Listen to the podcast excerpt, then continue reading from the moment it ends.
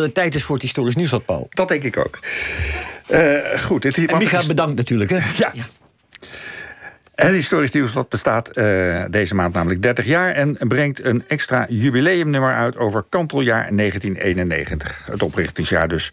Met verhalen over Europa twee jaar na de val van de muur en over de instorting van de Sovjet-Unie. Maar ook met een verhaal over de dit jaar alweer 200 jaar geleden overleden machthebber en potentaat die bijna heel Europa op zijn eigen manier hardhandig wist te verenigen. Ja, aan telefoon hebben we hoofdredacteur Annemarie Lavent. Goedemorgen Annemarie, gefeliciteerd ook natuurlijk met 30 jaar bestaan in Bladerland. Vast geen makkelijke uh, opgave alleen geweest om zo'n blad 30 jaar overeind te houden. Ben je trots? Ja, goedemorgen. Ja, ik ben heel erg trots. Uh, ik bedoel, 30 jaar is natuurlijk niet zo uh, uh, lang als je kijkt in het licht van de hele geschiedenis. Maar ja, voor een blad is dat toch best een respectabele leeftijd. En het gaat ook goed met het blad. Dus ja, ik ben, ik ben eigenlijk heel trots op waar, waar we nu staan. Zeg, wat zijn de Met een groeiend ledenaantal en nou ja. Uh, de winkelsluiting heeft ons niet zoveel goed gedaan, natuurlijk, de afgelopen maanden. Maar uh, ja, abonnees die groeien en ook digitale abonnees groeien. Dus ja, ik, ik ben zeker trots. Ja. Ja, De, de, wat, wat, eh, noem even een paar hoogtepunten op het jubileumnummer... behalve het verhaal van Maarten van Rossum, wat natuurlijk vast weer geweldig is. Maar wat, wat is er nog meer wat je moet, moet gelezen? Nou, uh, ja, we hebben inderdaad een extra dik nummer, dus dan kun je ook heel veel in kwijt. En dat is ook wel echt het grote lol van zo'n blad maken, dat je zoveel verschillende verhalen kan vertellen. En bijvoorbeeld ook een over uh, een walvisvaarder. Dat is een, een, een dame uit de 16e eeuw die een heel succesvol bedrijf heeft opgericht. Maar wat ik eigenlijk wel leuk vind om hier ook uit te lichten, is een verhaal over Napoleon.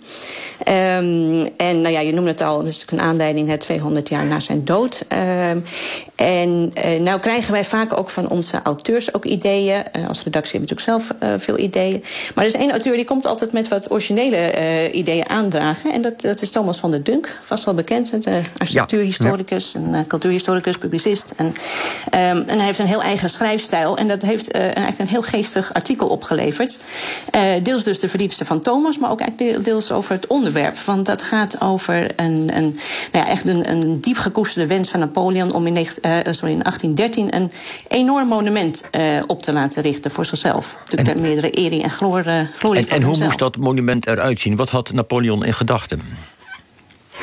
Ja, hij, hij had zelf nog niet eens zo heel veel in gedachten. Um, het moest vooral heel erg groot zijn. Um, en wat hij heeft gedaan is, uh, of in ieder geval zijn, zijn regering, die heeft eigenlijk een soort prijsvraag uitgeroepen.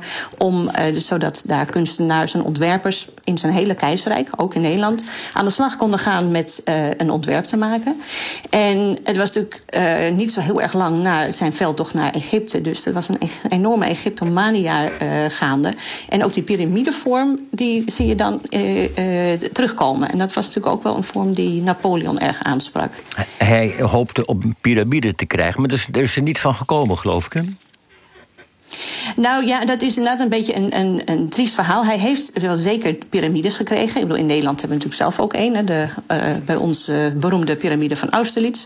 Die is in 1804 toen opgericht. En een jaar later uh, vond de slag bij Austerlitz plaats. En toen is hij ook zodanig genoemd. Uh, de slag die Napoleon natuurlijk heeft gewonnen. En dat is eigenlijk een vrij bescheiden aardebouwwerk.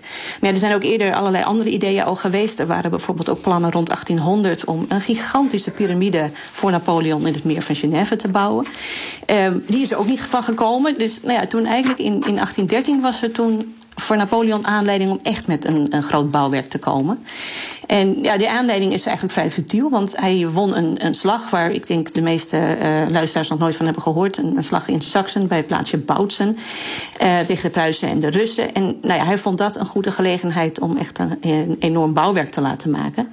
En hij had zelf wel de plek al bepaald. Um, dat ding dat moest gaan komen in de Alpen, uh, tussen Frankrijk en Italië in. Nou ja, en toen gingen dus al die ontwerpers en architecten aan de slag. Dus ook in Nederland is daar een commissie bijeengekomen om ja, plannen te maken. En hoe meer zuilen en obelisken en hoe hoger de piramide, hoe beter. Het moest groot, grootste, grootst. En nou ja, er was 25 miljoen frank voor beschikbaar. Maar dat was natuurlijk nooit genoeg. Wil je een echte piramide maken, zo eentje als in Gizeh, want dan nou ja, heb je een half miljard nodig. Dus ja, er werd uh, druk getekend en, en ontworpen. En, uh, alleen ja, er was één probleem. Um, zeker in Nederland bleef men maar tekenen en ontwerpen. En ondertussen ehm, kwam er, ja, leed Napoleon eigenlijk een hele smakelijke nederlaag bij Leipzig. Dat is de Volkerenslag. Ja. en toen kwam er in één keer die aanleiding te vervallen. En is dat hele plan nooit uitgevoerd. Het is er niet van gekomen. Uh, helaas voor, voor de keizer. Uh, Annemarie, mogen we je bedanken voor uh, deze toelichting. En natuurlijk, iedereen die het wil, die moet maar het Historisch Nieuwsblad gaan bemachtigen. Er staat ook een quiz in over die afgelopen 30 jaar. Met allerlei belangwekkende, leuke vragen, geloof ik. we wensen je veel succes de aankomende 30 jaar. Nou, dankjewel. Dat, dat.